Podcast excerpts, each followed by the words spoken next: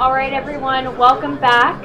I would now like to introduce our final speaker of this portion of today's conference, and that is Jaron Poles.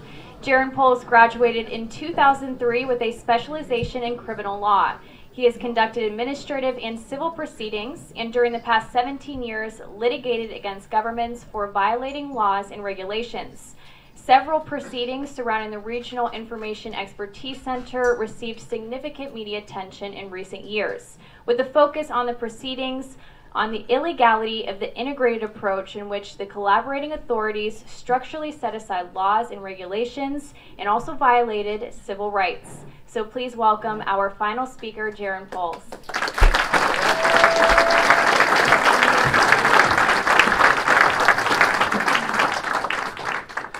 Ja, dank u. Voor iedereen die uh, reizen had verwacht, uh, ja, die moet het met mij doen. Dus ik begrijp als u teleurgesteld bent, maar ik ga in ieder geval proberen iets uh, interessants ervan te maken. Ehm, vandaag staat in het teken van 2030, de Sustainable Development Goals. Die hebben ook een hele mooie goal, dat is nummer 16. Peace, Justice and Strong Institutions. Afgelopen paar jaar hebben we denk ik een voorproefje kunnen hebben een voorproefje gehad van hoe dat eruit ziet.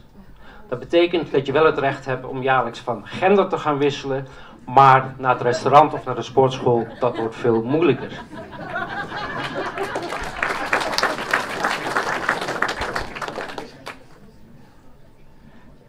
Uh, het flippertje doet het niet.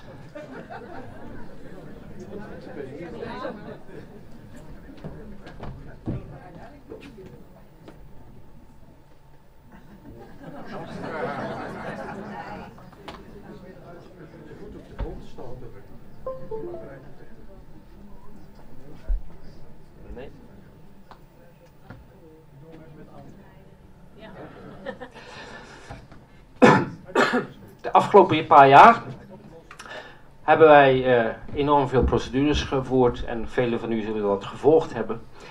Um, wat ik vandaag wil doen, uh, ik ben op het laatste moment ingevallen. Wat ik ga doen, ik ga een aantal observaties maken, een soort rode draad. Wat hebben we gezien de afgelopen paar jaar? Het doel van onze rechtszaken, dat was het publiek informeren, maar ook dossieropbouw over de rol van de rechtsstaat en de rechtspraak natuurlijk en de rechtspraak ontmaskeren. Ik vecht al heel veel jaar tegen de staat en um, ik moet zeggen in het verleden heb ik regelmatig was het de rechtspraak die uiteindelijk toch tot een goede conclusie kwam en de staat afremde of stopte. De afgelopen paar jaar hebben we een gezicht gezien van de rechtspraak wat werkelijk beschamend is. De rechtspraak heeft een hele belangrijke rol gehad in de afkalving van onze rechtsstaat de afgelopen paar jaar. Ik denk zelfs de belangrijkste.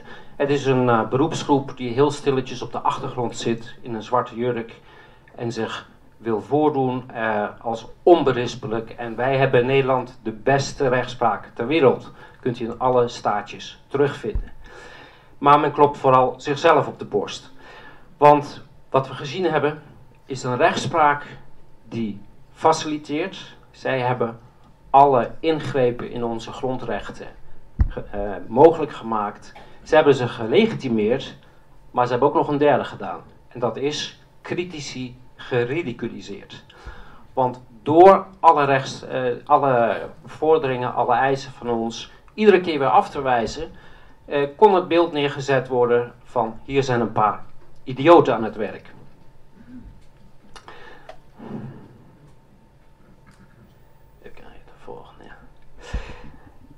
Wat waren de uitgangspunten voor de rechtszaken van de viruswaarheid? Dat wil ik eerst even kort op een rijtje zetten. Wij strijden voor het instand houden van onze grondrechten. De grondrechten, dat is wat ons mens maakt. Het is uh, artikel 1 van de Duitse uh, grondwet. Dat is de, de onaantastbaarheid uh, van de, de, hoe heet het? de waardigheid van de mens is onaantastbaar. En dat wordt ingevuld met al die grondrechten en fundamentele uh, vrijheden. Dat is, die collectie samen maakt ons tot mens.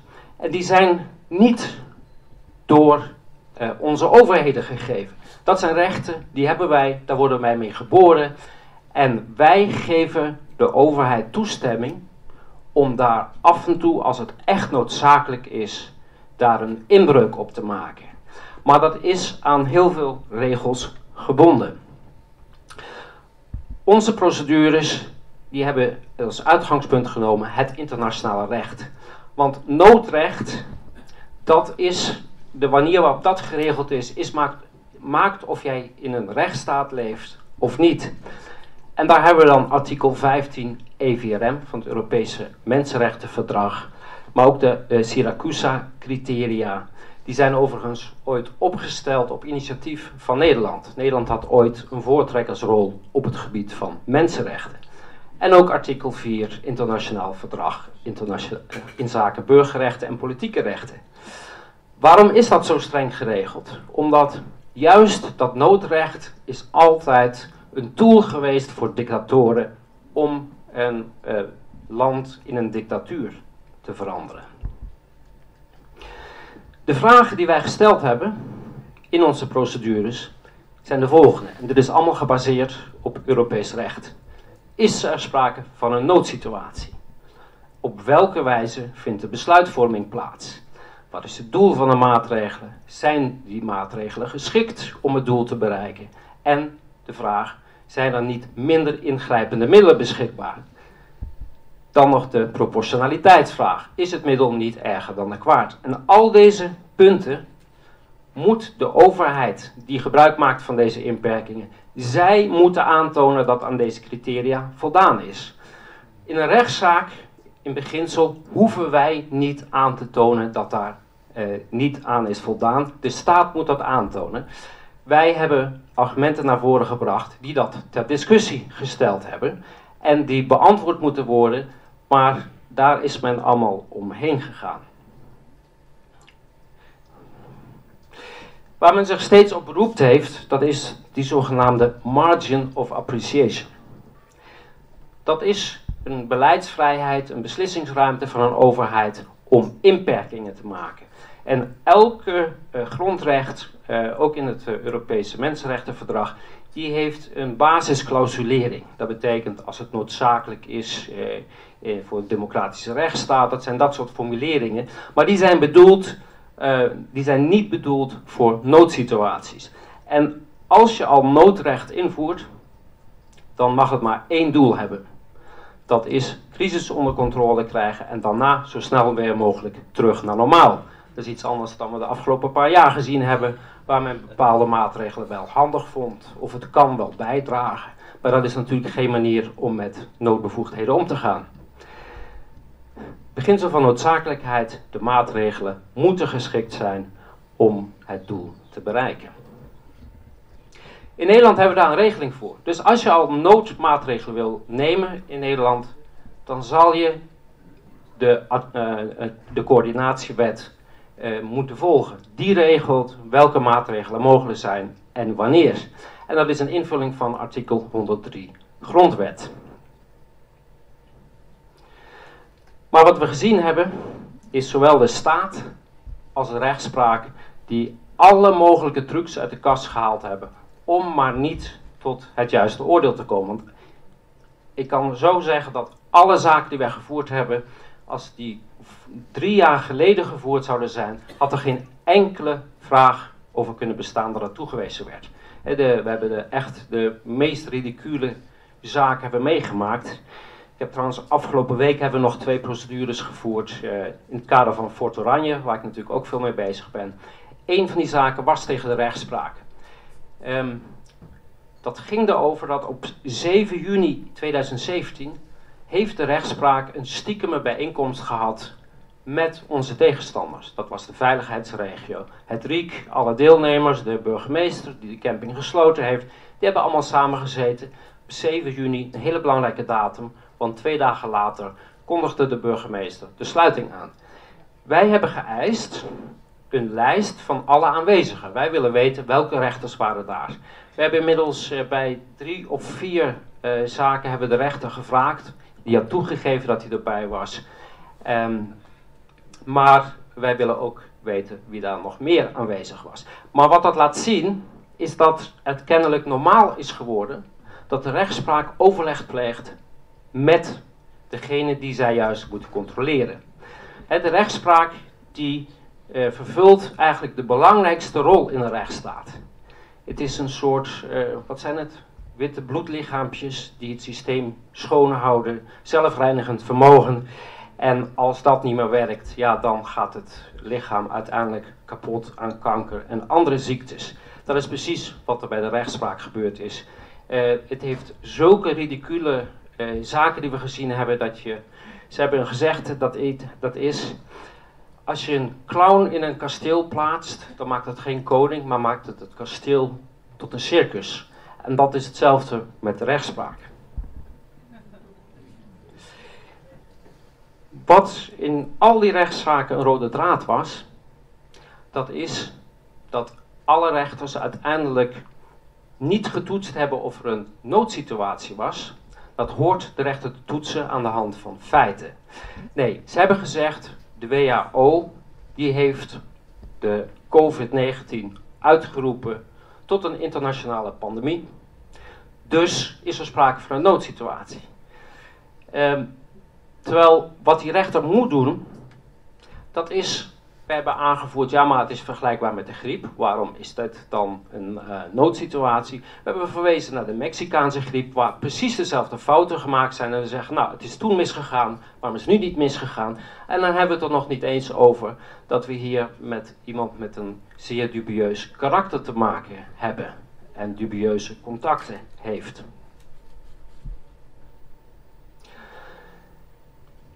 Een van de belangrijkste punten was, men heeft de strikte noodzaak geherdefinieerd.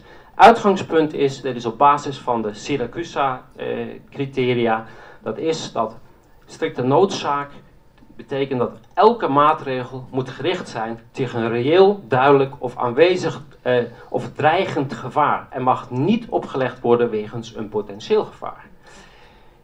Dat betekent bijvoorbeeld dat er een tsunami onderweg is vanuit zee en we weten dat hij morgen Nederland gaat bereiken. Dat is een reële dreiging. Wat we in de rechtszaal gehoord hebben, ik geloof ik heb daar ook een slide van, dat is dat modellen, computermodellen, die zijn gebruikt om een, om, om een dreiging aan te tonen. En dat zijn theoretische exercities. En waar ook nog eens is wat je erin stopt. Hè, uh, hoe zeggen ze dat? Uh, shit in, shit out. Of garbage in, garbage out. Ehm, en op basis daarvan ga je een hele bevolking in zijn grondrechten beperken. Hier zien we een, uh, een, een, paar uitsneden uit een aantal uh, vonnissen. Eigenlijk is de, de, de meeste vonnissen begonnen zo. Uh, met hoe verschrikkelijk COVID is, dat over de hele wereld honderdduizenden doden veroorzaakt heeft. Dus daar kun je ook niet tegenaan redeneren, want we zitten midden in een ramp en dat is gewoon een feit.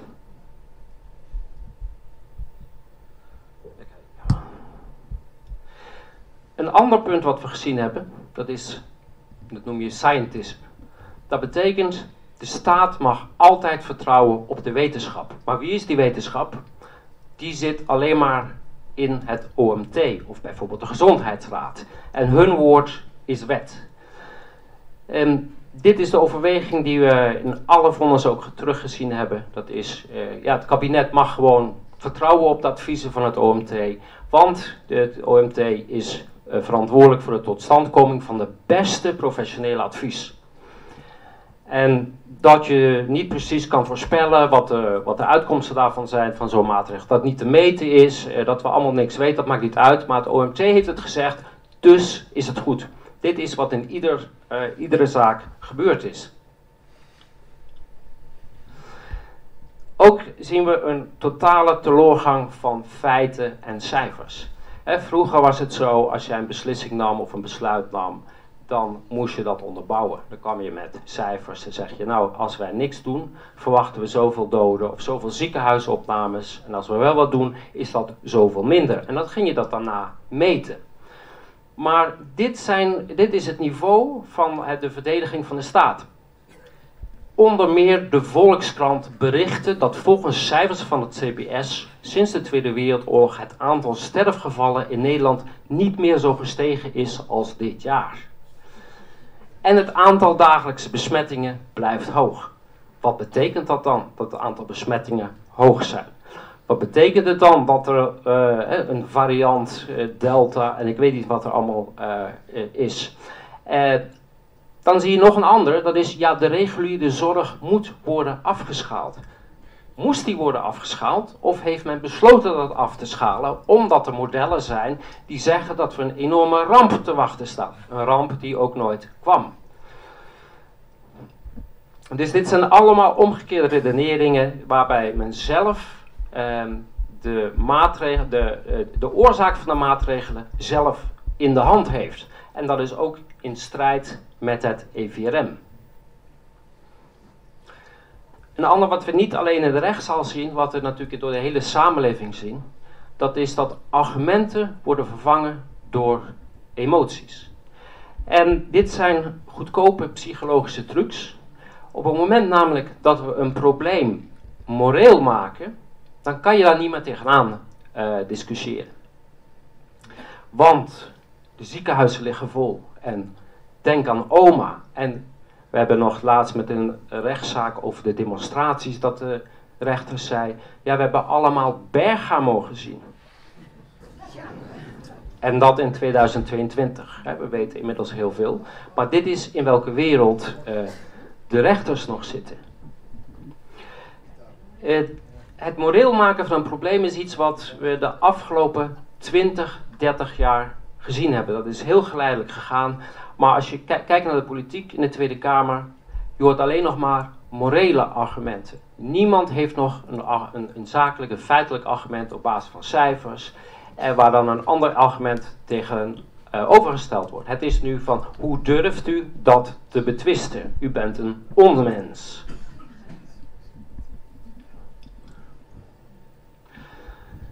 Dan een andere waar heel erg mee gespeeld wordt, en dat uh, ontgaat natuurlijk de meeste mensen, wat het verschil nou eigenlijk is. Maar het gaat over, hebben, is er sprake van een afwijking of van een beperking van grondrechten?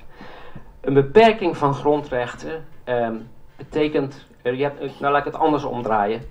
Er is sprake van een afwijking op het moment dat het recht inhoudsloos wordt. Um, maar wat heeft men gedaan? Men heeft gezegd: nee, het is geen afwijking, het is een inperking. En dan zijn dit ook weer twee overwegingen die we in de vonnissen teruggevonden hebben. Er zijn immers slechts in beperkte mate buitengewone bevoegdheden toegepast. Um, dit was in juni 2020. Ik bedoel, we konden helemaal niets meer. We moesten thuis zitten en kort daarvoor moesten we ik, ik, geloof op dat moment waren er al wat versoepelingen. Maar uh, we konden niet naar restaurants, scholen zijn gesloten geweest. We konden helemaal niets meer. Maar de rechter zegt, ja, het is maar een beperkte inperking. En een ander de, uh, die daaronder staat. De grond- en mensenrechten gelden in Nederland onverkort. Ja, als je dat als uitgangspunt neemt, dan hoef je namelijk ook niet meer te gaan toetsen aan het EVRM. Want u ziet het verkeerd. Het is geen, imper, het is geen afwijking. Het is gewoon een kleine beperking die we voor de samenleving, voor de solidariteit maar even moeten verdragen. Maar zoals waar ik ook mee begon, grondrechten zijn van ons. En alles wat daarvan afgenomen wordt, moet keihard onderbouwd worden. En anders moeten ze er gewoon van afblijven. Uh, ik heb even een, uh, een lijstje gemaakt van de grondrechten die uh, allemaal beperkt zijn geweest. En uh, dat is eh, verbod op discriminatie, godsdienst, levensbeschouwing, recht op privéleven. Hè, je mocht nog maar, je mocht s'avonds na negen uur niet meer bij iemand op bezoek. Je mocht maar een bepaald aantal bezoekers ontvangen. Vrijheid van vergadering. Hè, je mocht op straat maximaal drie en dan vier en dan vijf. Ik weet niet wat ze allemaal bedacht hebben. betogingen mocht wel. Hè, ze zei ja recht van demonstratie is echt zo'n fundamenteel recht, eh, dat moet gewoon kunnen. Dus wat doen we? U mag met 30 man op anderhalve meter afstand stilstaand op het Malieveld staan, maar natuurlijk wel maar voor twee uur en alleen bij daglicht. Dan vrijheid van onderwijs. Hè, de scholen zijn gesloten. Vrije arbeidskeuze. Heel veel arbeid kon niet uitgeoefend worden omdat het verboden was. Uh, vrijheid van ondernemerschap. De winkels waren dicht, mensen konden hun bedrijf niet uitoefenen. Eigendomsrecht. Als je je restaurant moet sluiten, kan je je eigendom niet uitoefenen. Bewegingsvrijheid is ook enorm ingeperkt. Recht op aan onaantastbaarheid van het lichaam. Je moest je gaan testen, je moet een prik nemen, noem maar op. Dat zijn hele fundamentele rechten. Recht om terug te keren naar het land waar men ingezetene is. Daar hebben we overigens één zaak een keer gelijk gehad. Eh, dat was voor mijn partner die in Zanzibar zat. En waarschijnlijk omdat uh, meester Vetter, de rechter die we natuurlijk heel vaak gehad had, die wist waarschijnlijk niet dat daar viruswaarheid achter zat. Dus die dacht, ach, die arme gezin die daar nu terug moest komen, dat liet hij wel even doorgaan. Maar de twee zaken daarna, die precies hetzelfde waren, dezelfde uh, redeneringen gevolgd waren, die werden afgewezen. Ook willekeurige vrijheidsontneming en recht op vrijheid van meningsuiting zijn allemaal uh, beperkt geweest. En waarom zeg ik dit? Dus jurisprudentie, dat betekent zelfs al zou één van die inperkingen uh, geen afwijking zijn, maar, de, uh, maar nog steeds een inperking, als je ze allemaal samen doet, dan kan dat op een gegeven moment overgaan in detentie. Daar is jurisprudentie over uh, uit Italië, um, die legde aan ex-mafiosi die dan naar huis mochten of onder huisarrest, die legden zoveel beperkingen op dat men zeide dat is dat dat uh, detentie was. Nee, ik zeg het verkeerd. Uh, ze werden voorwaardelijk vrijgelaten, maar die voorwaarden die waren zo strikt. Ze mochten bijvoorbeeld ook niet naar restaurants gaan, noem op. Er waren heel veel zaken die precies hetzelfde zijn als nu. En daarvan heeft het Europese Hof geoordeeld, dat is detentie. Um, maar daar denken onze rechters anders over. Nog een mooie de herdefinitie van diagnose. Dat ging over de PCR-test. Uh, wij hebben in de rechtszaal uh, aangevoerd dat de PCR-test is niet toegelaten uh, voor het stellen van diagnoses. Gewoon een hele juridische toetsing. Maar wat zegt dan de rechter? Ja, maar dat is geen diagnose. Wij stellen alleen maar vast of iemand een virus bij zich draagt als het virus deeltjes zijn, is best kans dat hij ook het virus heeft. En als het virus heeft, zou het natuurlijk kunnen dat hij geïnfecteerd is. Maar dat is geen diagnose.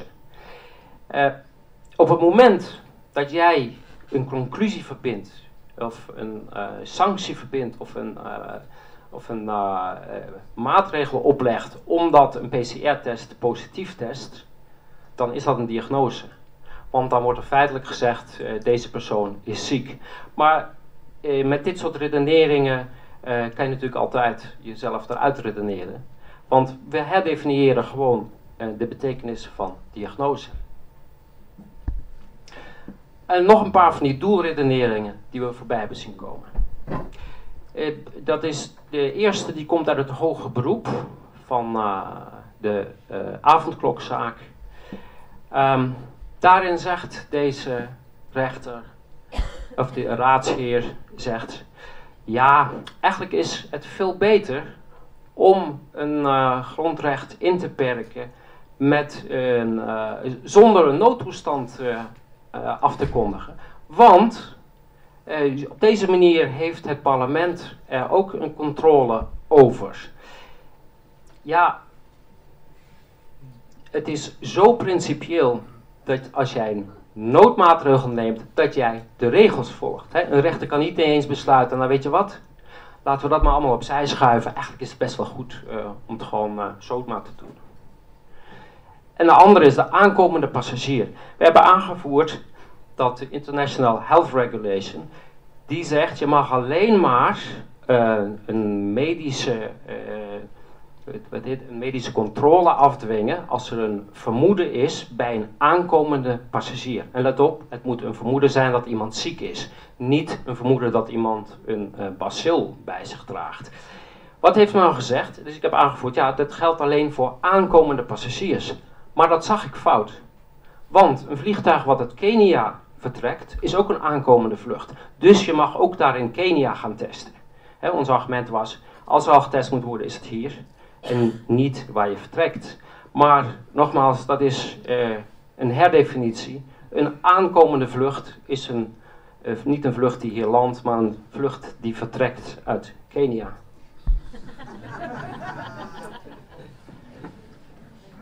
Dan het relativeren van fundamentele mensenrechten. De, het recht op, in, op integriteit van het lichaam, dat is werkelijk een fundamenteel recht waar miljoenen mensen voor zijn gestorven. Uh, het is een uitkomst van uh, de Nuremberg-tribunalen, waar men heeft gezegd: niemand heeft het recht om een ander uh, te dwingen iets met zijn lichaam te doen. En tenzij, en dat zijn hele beperkte uitzonderingen die daarop staan. Maar dat, dat, betekent een PCR-test ondergaan, betekent een, een, dat jij een staafje naar binnen geschoven wordt en dat is dus een aantasting op de integriteit van je lichaam. Maar wat zegt deze rechter? Ja, waar heb je het nou eigenlijk over? Het is toch een hele kleine ingreep. Het houdt slechts een geringe beperking in van het recht op onaantastbaarheid van het lichaam. Ja, als je het hebt over grondrechten, ofwel het is een inbreuk, ofwel het is niet een inbreuk. Het is niet zo dat je kan iemand een heel klein beetje folteren. dat is maar een beetje. Foltering is foltering en een, een inbreuk op de lichamelijke integriteit is gewoon een inbreuk op de lichamelijke integriteit. Maar het afnemen van zo'n test is gewoon zo gebeurd. Het is weinig belastend en, het wordt, en duizenden mensen doen het. Dus wat is uw probleem? Een andere wat men ziet is het, dat noem je het hinein interpreteren, een goed Nederlands. Het is een betekenis toekennen aan iets wat past bij je eigen perspectief en daarbij andere betekenissen uit het oog verliezen. Want eh, de enige keren dat zowel de rechter als de staat naar eh, grondrechten verwezen heeft, was als het ging over artikel 2 EVRM en artikel 22 Grondwet. En wel op zo'n manier dat deze artikelen een onbeperkte bron van eh, eh, van bevoegdheden geeft om grond, alle andere grondrechten uit te schakelen. Uh, wat staat daar? De, staat heeft de verplichting om onze gezondheid te beschermen. Um, maar dat doe je door ziekenhuizen te bouwen. Door te zorgen dat er voldoende IC-capaciteit is. Door te zorgen dat er voldoende artsen zijn. Dat zijn de maatregelen die een uh, die een overheid dient te nemen. Het kan natuurlijk niet zo zijn dat u thuis moet gaan zitten om te voorkomen dat u een infectie oploopt. Als ik het nou eens een andere vergelijking maak, stel je voor, we gaan naar artikel 5 EVRM. Dat is namelijk het waarborgen van het recht op vrijheid en veiligheid van de persoon. Zeg ik als overheid vanaf vandaag ga ik garanderen dat u niets meer overkomt. Dan gaan we gewoon het hele land in huisarrest stellen zijn er geen misdaden meer. Nou ja, thuis gebeuren ook een hoop misdaden. Dus eh, we zullen dan ook die mensen nog apart moeten gaan opsluiten. Maar het klinkt ridicuul, maar dit is precies wat er gebeurd is. Artikel 2, EVRM. Wij moeten zorgen voor uw gezondheid. Dus we gaan u verbieden om te reizen. We gaan u verplichten om te vaccineren. We gaan u verplichten om een test te nemen. Uh, noem nog maar op. U wordt uitgesloten uit de samenleving. En allemaal voor uw welzijn. Zonder dit te onderbouwen. Zonder dit te onderbouwen, vanzelfsprekend. Dan heeft wat we, een andere is dat men, uh, want al onze dagvaringen zijn gebaseerd op een juridische toetsing. Als je namelijk over, hebt over proportionaliteit of uh, subsidiariteit, Um, bij proportionaliteit hoor je als rechter te kijken van oké, wat is dan de fataliteit van zo'n uh, virus? Daar hoort een rechter naar te kijken. Maar wat zegt die rechter nu? In plaats van te kijken van ja, hè, het, lijkt wel op de griep, maar ja, eh, wie ben ik als rechter om daarover te oordelen? Er vallen wel erg weinig doden, net zoveel als bij de griep. Maar ja, als we experts hebben die zeggen dat we in een ramp zitten, dan zal dat wel zo zijn. En dat is precies de redenering die hier uh, gevolgd is. Iedere keer zei men, ja, dit is geen plek voor een battle of science. uh, dat gebeurt trouwens ook waar we het net al over hadden bij de PCR-zaak, waar we uh, zeiden van, u moet, hoeft alleen maar te toetsen, is het toegelaten, is er een CE-toelating daarvoor. Ehm, hetzelfde geldt voor de vaccinatiezaak, waarin we aangevoerd hebben, kijk, dit zijn de criteria waaraan een advies van de Gezondheidsraad moet voldoen. En wij hebben aangetoond dat dan geen enkel van de criteria voldaan is, maar werkelijk geen enkele. Um, dus feitelijk hebben wij het werk gedaan van de Gezondheidsraad. Maar desondanks heeft de rechter gezegd: dit is geen plaats voor een battle of science. Terwijl een hele hoop uh, van die criteria, daar hoef je helemaal niet over te discussiëren. Dat was zo evident dat uh, dat buiten elke discussie uh, stond. Vervolgens, omdat wij in twintig zaken verwezen werden naar het OMT of de Gezondheidsraad, want die weten hè, als profeten, als hoog, hoe zeg je dat, uh, hoge priesters van de wetenschap, is hun woord wet. Dus wat doe je dan? op een gegeven moment denk je, ja, iedere keer word ik verwezen naar het OMT. Wat ga ik doen? Ik ga, dat was in het geval van de vaccinatiezaak, we gaan gewoon de leden van de Gezondheidsraad zelf dagvaarden. Dan kunnen zij verdedigen hoe zij tot die adviezen komen. De redenering daarachter was, als jij meewerkt aan een advies waarvan je weet of had moeten weten dat dat schade aanricht, dan, ben je, dan, eh, dan pleeg je zelf een onrechtmatige daad. Dan handel je onrechtmatig. En dan eh, is er ook nog artikel uh, eh, 166 die zegt als je dat in een groep doet, dan is ieder mede aansprakelijk. Want als jij dat weet en je blijft toch gewoon zitten, je doet mee, je houdt je mond, eh, dan hoor je daar ook eh, de consequenties van te dragen. Want op zo'n moment hoor jij als lid te zeggen van, hier neem ik afstand van, ik stap eruit. Dat is de enige manier om aan deze aansprakelijkheid te ontkomen. Maar ook dat was niet de bedoeling. Want, ehm, wat zegt de rechter hier? Wij hebben ehm, niet voor ieder individueel lid van de Gezondheidsraad gesteld dat deze zich achter de adviezen heeft geschaard. Terwijl de Gezondheidsraad geen groep is als bedoeld in artikel 666. En daar zijn ook nog argumenten aangevoerd van de, deze adviseurs moeten in vrijheid uh, hun werk kunnen doen. En dit soort rechtszaken, dat werkt intimiderend en uh, dat doorkruist hun werk. Uh, de, de boodschap was, laat onze hoge priesters met rust. Het was absoluut niet de bedoeling dat dat uh, gebeurt.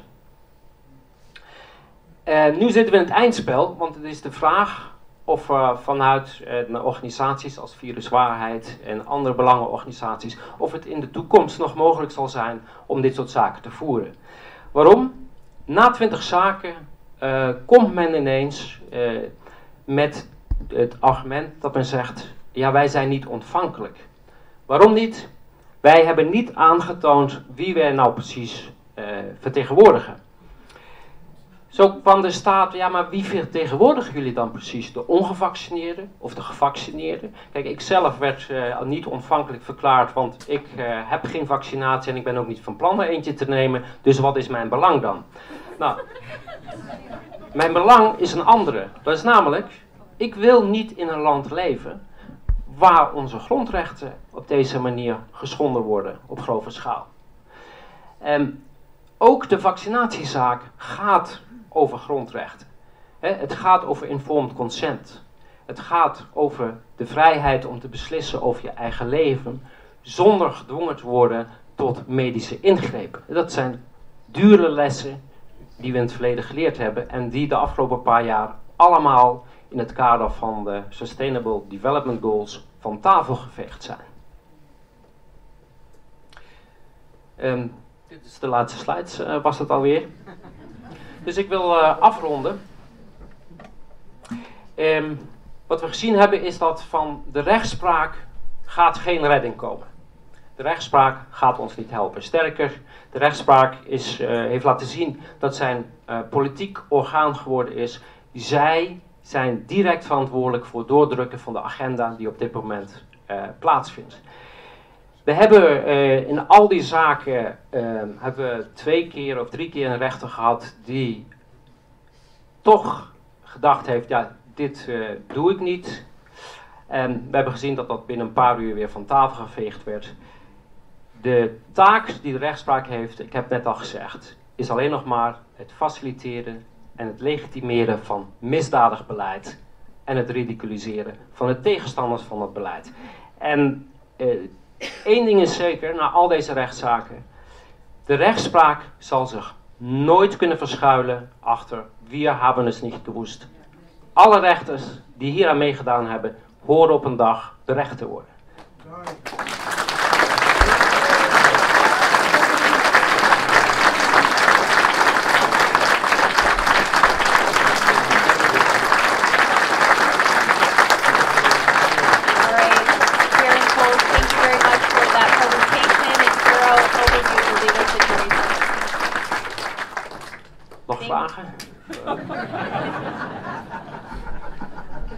Translate, Willa?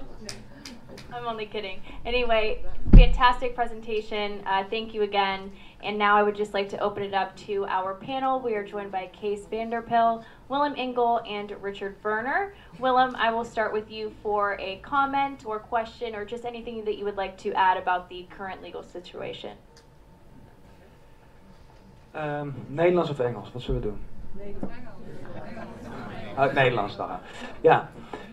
Um, ik was jouw uh, sidekick of wingman in heel veel van deze rechtszaken. Ik heb er heel veel van geleerd.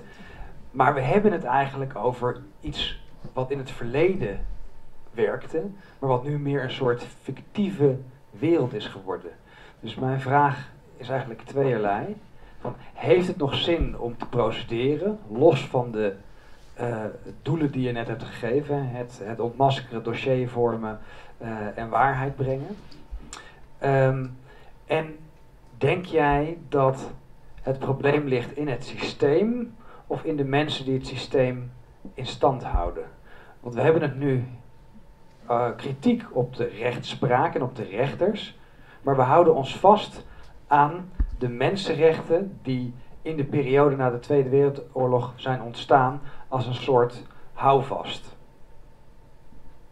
Ja, ja kijk, eerste punt is natuurlijk, uh, rechten zijn betekenisloos als je ze niet kan afdwingen. Dat betekent als er geen rechter is waar je naartoe kan gaan om te zeggen: luister, mijn recht uh, wordt hier uh, geschonden. Ik wil dat u wat doet. Dit is de taak van de rechter. Hij hoort mij te beschermen. Um, wat we nu gezien hebben is precies hetzelfde als. Je mag de vergelijking niet maken. Maar dit is precies hetzelfde als het nationaal-socialistische rechtspraak geweest is. Eind jaren 30, maar ook tijdens de oorlog. Vergeet niet, in de oorlog hebben alle rechters op een hele kleine uitzondering na hebben allemaal meegedaan. Die hebben het recht van de bezetter toegepast. En dat zei men, ja, als we dat niet gedaan hadden, dan werden we ontslagen of dan uh, werden we gestraft. En dan zouden we niets meer kunnen doen, want dan zijn we uit het systeem. Ja, met deze redenering, als je toch niks doet, kan je ook beter uit het systeem stappen. Dus eh, als je naar de site van de, rechts, eh, van de rechtspraak gaat, daar hebben ze een uh, aparte pagina en dat heet de zwarte bladzijde van de rechtspraak. Daar staat, dit mag nooit meer gebeuren. Maar we hebben gezien nu, het gebeurt weer precies zo. Waarom het gebeurt? Eh, ik denk enerzijds eh, dat er sprake is van een ideologie. En dat deze mensen deels ideologisch gedreven worden. Anderzijds is er sprake van uh, peer pressure.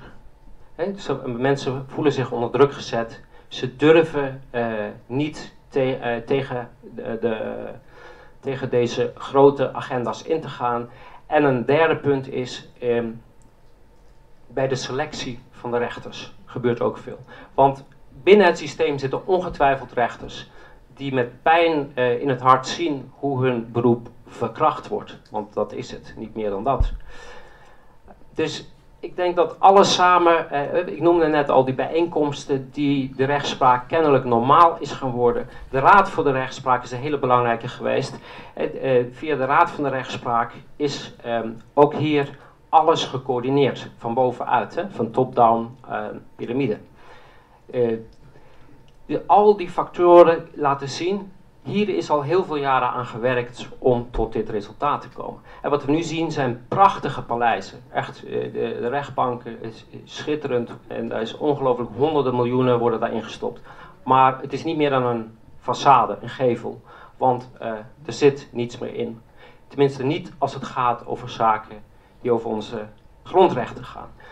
Als jij een anoniem iemand bent en je procedeert tegen een ander anoniem iemand, iemand die geen verzekeraar is, of geen bank is, of geen farmaceutisch bedrijf, dan kan je best nog wel je recht halen. Maar zodra het gaat om partijen die uh, macht hebben en geld hebben, dan sta je machteloos. Ik weet niet of ik nou de vraag beantwoord heb. Maar... Thank you. Case, would you also like to weigh in? Well, it's not, not really weighing in, but ik zal in Nederlands zeggen ook. Ik heb vanochtend al uh, iets uh, lovends over Willem gezegd. En toen noemde ik ook uh, in één adem Jeroen, maar die was het toen nog niet. Um, ik, ik heb in mijn eigen praatje een kleine ontboezeming gedaan over mijn politieke verleden. Eén ding wat mij in deze hele COVID-crisis uh, als uiterst belangrijk is voorgekomen, is de kwaliteit van degene die de verzetsbeweging aanvoeren. Niet alleen, maar daarin een prominente rol spelen. Jeroen is zo iemand. Hij is als jurist in mijn. Ik heb zelf rechten gestudeerd en een van de eerste dingen waar je in die studie achterkomt is dat het eigenlijk geen echte wetenschap is, maar meer een beroepsopleiding. Maar dat neemt niet weg dat er een aantal mensen zijn die op het gebied van het recht een werkelijk wetenschappelijk talent uh, ontwikkelen. En Jeroen is zo iemand. Die heeft een systematische geest op dit vlak. En ik hoop dat je begrijpt dat ik dit niet allemaal zeg uit een soort persoonlijk uh, ja, opwrijven van Jeroen of vanochtend van Willem. Maar om aan te geven dat wij alle reden hebben om zeer blij te zijn met de kwaliteit van deze aanvoerders, om ze maar zo te noemen.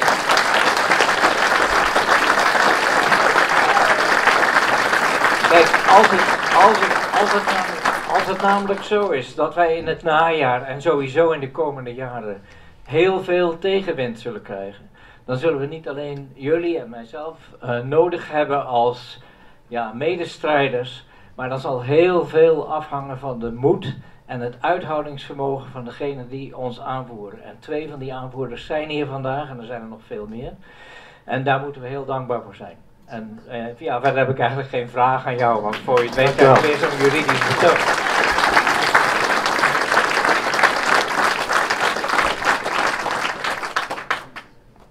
Right, well, here's an angle where you may want to use the English language in response. Um, I assume you've covered um, the fact, not only the fact that there were some serious human rights violations going on, but also what people in the Netherlands can do about this from a legal perspective, hopefully, in terms of where can we sue, who can we sue. So, assuming they've covered that, because my um, Low Countries language is not quite as fluent as it should be, I'm, I'm more familiar with Bavarian, you know, high countries dialect. Um, my my uh, question, therefore, is and, and you know this is also partly an international crowd. We have a European Court of Human Rights, which I think is also located in the Netherlands. So my question then is, um, what can we do there in terms of uh, you know bringing cases? Who can bring cases? Who could bring cases? Uh, on what basis that may have a prospect of success uh, to um, essentially sue concerning these human rights violations, which I believe have taken place. Yes. Well, uh, I think you mean the, it's the International Criminal Court, which is in the Netherlands. Uh, inter, the European uh, Human Court is in Strasbourg. Yes. Yeah. well, I, for example, so which one would be better? For instance, uh, if we want to sue. Well, better is not a right qualification because we made complaints at both. But what we see is the higher you get, the more corrupted they get. And this is also with the European Court of Human Rights. It's being sponsored uh, by the people we fight against. Uh, the ICC is the same. Uh, for me, um, when I saw the European Court, uh, a picture, all sitting with these black masks on, Uh, this was for me the moment I knew we will never find salvation there. So um, we have to do these proceedings to show the people the system is corrupted and doesn't work anymore, but uh, it will not give us hope uh, for salvation. This is my pessimistic view. Yeah. Thank you. Are there any other comments or questions from the panelists? Willem? Yes, I think uh, a lot of people are finding hope and looking out to, for instance, the uh, project that Rainer Fulmich is conducting with the Nuremberg trial. And there's the Nuremberg commemoration in, uh, in I think, two or three weeks, the 75 years of after Nuremberg. Um, now we know that what you said is true. You can only enjoy your rights if you can force your rights. Is it a possibility to conduct our own tribunals or to make our own courthouses a, a bit in the in the spirit as uh, Richard mentioned to make our own banks. So we start running our own society. Yes. Uh, the idea is uh, sympathetic but uh, the problem we have is we can make a court of course. We can uh, even find the judges uh, uh, to do that. The problem is, however, how are we going to get these people there? I mean, I have a trunk, but I don't know how far I will get. So this is the problem. We don't have the power, but uh, the idea what, uh, what Rainer Fulmich is doing is on its own is a good idea because it shows people that there have actually been human rights violations and serious ones. Uh, so in this perspective, it's very good. It's also good uh, for the time after this. There will be one day, I'm sure these people will be taken to account.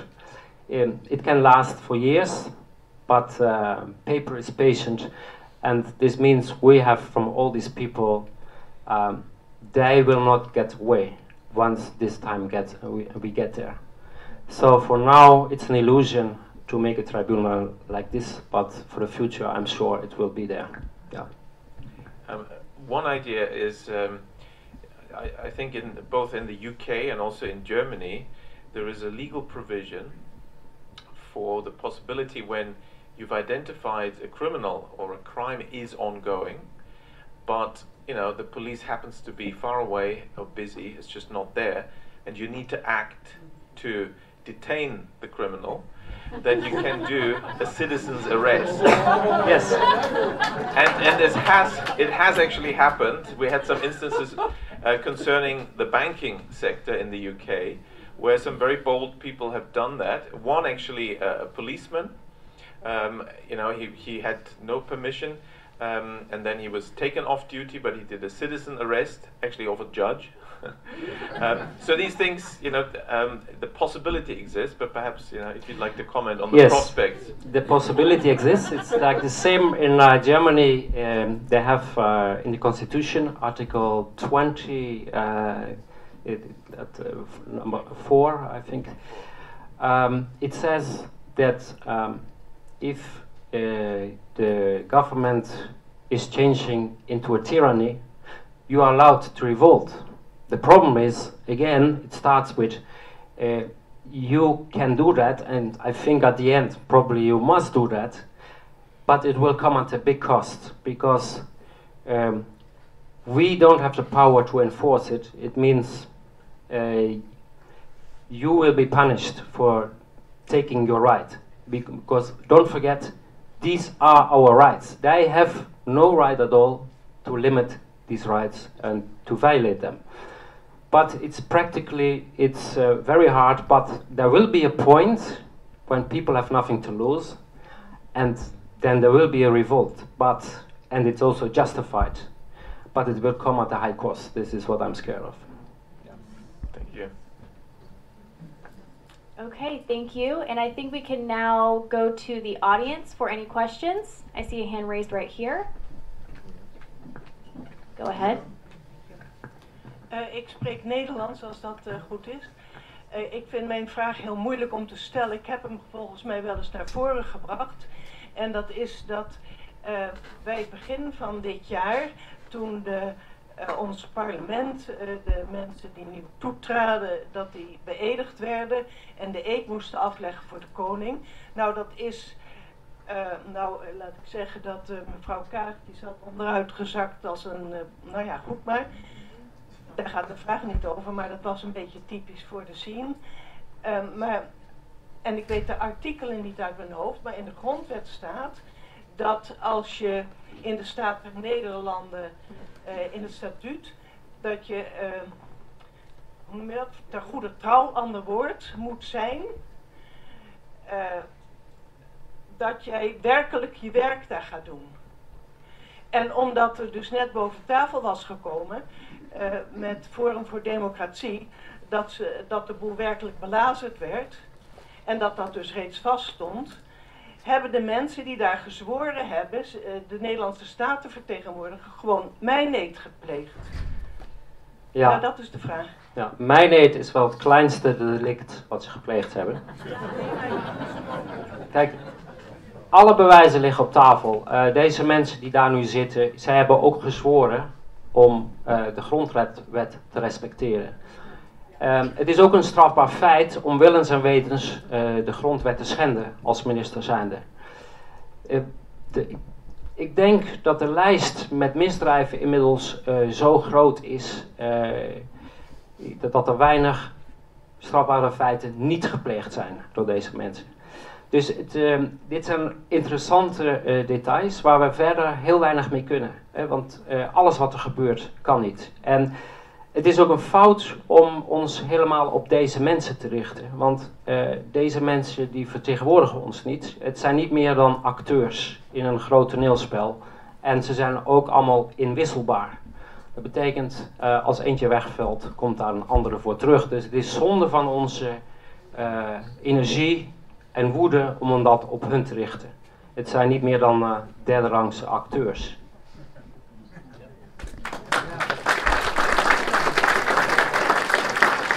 Thank you. And we have time for one more question. Ik, ik zou graag nog ik, ik zou graag nog een vraag willen stellen. Um, ik weet niet meer precies wanneer het was, maar er is één rechter zo moedig geweest om, uh, om de avondklok ongrondwettig te verklaren. En, uh, en af te kondigen dat, dat, dat die meteen afgeschaft zou moeten worden. Maar ik, ik vraag me af hoe. Um, ja, uh, hoe is het eigenlijk met die, met die man of vrouw afgelopen? Is het, uh, laat, ik zo zeggen, is, maar is, is, is, is, is die rechter meteen ook geëxcommuniceerd of zo? Je zou dus bijna zeggen, van, omdat het zo uitzonderlijk was van ja... ja, en dan hebben we het over mevrouw Hoekstra. Hoekstra die hebben we twee keer gehad. De eerste keer was in juni 2020, die, in de zaak tegen alle maatregelen. Um, en de tweede zaak, de avondklok. Maar het laat ook zien dat daar mensen tussen zitten die voortschrijdend inzicht hebben en gedacht hebben: hier doe ik niet meer aan mee. Wat we nu zien, zij doet geen enkele meer van dit soort rechten. Dus zij is opzij geschoven inderdaad. En dan blijft er nog een heel klein clubje over, uh, die we iedere keer dezelfde gezichten die we daar terugzien. Dus uh, zij is nog steeds rechter, maar uh, zij doet geen, niet, geen COVID-zaken en andere zaken die uh, het beleid kunnen dwarsbomen. Ja. Uh, Jeroen, dankjewel voor je... Door? Oh. Of, eh, gaan we door? Uh, nou, er, zijn nog, er lopen nog een hele hoop uh, rechtszaken. We hebben nog een bodemprocedure voor de vaccinaties. Uh, er lopen nog een hoop andere procedures, een herzieningsprocedure. Uh, of, er door, of wij doorgaan als viruswaarheid om zaken aan te spannen. Uh, het kan wel zijn um, dat, het, uh, dat, dat we moeten terugvallen op individuen. Dat hebben we nu ook met de vaccinatiezaak gedaan. met het uitzicht dat we niet ontvankelijk verklaard gaan worden, hebben wij, ik meen, zes mensen met vaccinatie, slachtoffers van vaccinatieschade, zijn mede-eiser geworden. En die kunnen niet, niet ontvankelijk verklaard worden op de gronden waarop zij dat nu met ons doen. Dus uh, we zullen waarschijnlijk de koers moeten wijzigen. En uh, de meeste zaken zijn gevoerd. Uh, er zijn nog, in, we willen nog een bodemprocedure tegen alle maatregelen aanspannen. Dat, die gaat zeker nog lopen. Ehm, maar voor de rest hebben we eigenlijk de meeste zaken hebben gedaan. En een herhaling ehm, op dit moment, denk ik, voegt niet veel toe. Ja, ik had eigenlijk in aansluiting daarop nog een andere vraag. Want je laat eigenlijk zien hè, dat er is gezegd, de overheid heeft zich op onderzoek, of scientism noem je dat dan, beroep, hè, een aanspraak gedaan. Dus wij hoeven dat verder niet te toetsen. Maar blijkt nu niet ook juist uit de WOP-documenten dat er eigenlijk een spelletje is gespeeld, heel duidelijk. Hè, en dat er dus helemaal niet gekeken, dat er geen bewijs was en dat er uitdrukkelijk een vraag was, bijvoorbeeld naar het RIVM. Eh, hoe kunnen we dat onderbouwen? Is dat niet een aanknopingspunt? Dat hebben we in al onze zaken aangevoerd, want in april 2020 was eigenlijk alles al bekend. We hebben toen ook de, de, de, maatschappelijke kostenbatenanalyse die door het ministerie van Economische Zaken is gemaakt. Dat had voldoende moeten zijn om daar te stoppen, op dat moment al. Ook in al die andere rechtszaken hebben we aangetoond precies dit punt van er is geen onderbouwing. Dat we dat nu bevestigd nog een keer zien door die WOP-stukken, bevestigt alleen maar wat we al wisten. Maar dat was in die zaken al duidelijk geworden. Want Um, de reden dat, we, dat de rechtspraak nu haar koers wijzigt, dat ze nu willen naar niet-ontvankelijkheid, is omdat zij staan tegen de muur. Zij willen zich inhoudelijk niet meer uitlaten, want zij snappen ook dat zij zich op heel glad ijs begeven. Zeker de vaccinatiezaak, ik raad iedereen aan, hij staat, hij staat online op de, uh, op de website uh, viruswaarheid.nl. Um, dit is zo een uh, systematisch opgebouwd verhaal, daar kan je niks meer over zeggen elk woord wat je over zegt, dan uh, trap je in je eigen valkuil.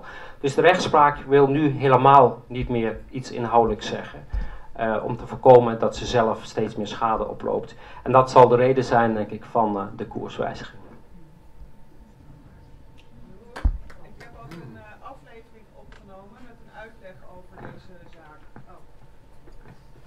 Ik heb een uh, maandje geleden of zo een aflevering opgenomen met een uitleg, een praktische gids over onze website en ook over deze zaak van de Gezondheidsraad. Hoe je alles op onze website zou kunnen opzoeken voor degenen die daar interesse in hebben. Ja, dat brengt ons bij het einde van deze sessie en bijna bij het einde van, en ik heb alsmaar het gevoel om te zeggen festival. Want wat jullie misschien niet wisten, is dat ik dansleraar ben. En daar noemen we het festivals, maar deze summit. En ik wil de laatste spreker echt hartelijk bedanken. Zeker omdat hij op zo'n korte termijn dit verhaal in elkaar heeft weten te zetten. En daarmee Raisa heeft weten te vervangen. Uh, Raisa, haar praatje wordt wel uitgezonden in de integrale uitzending van al deze praatjes. Dus ik wil een groot applaus voor Jeroen Pols. Deze video is mogelijk gemaakt door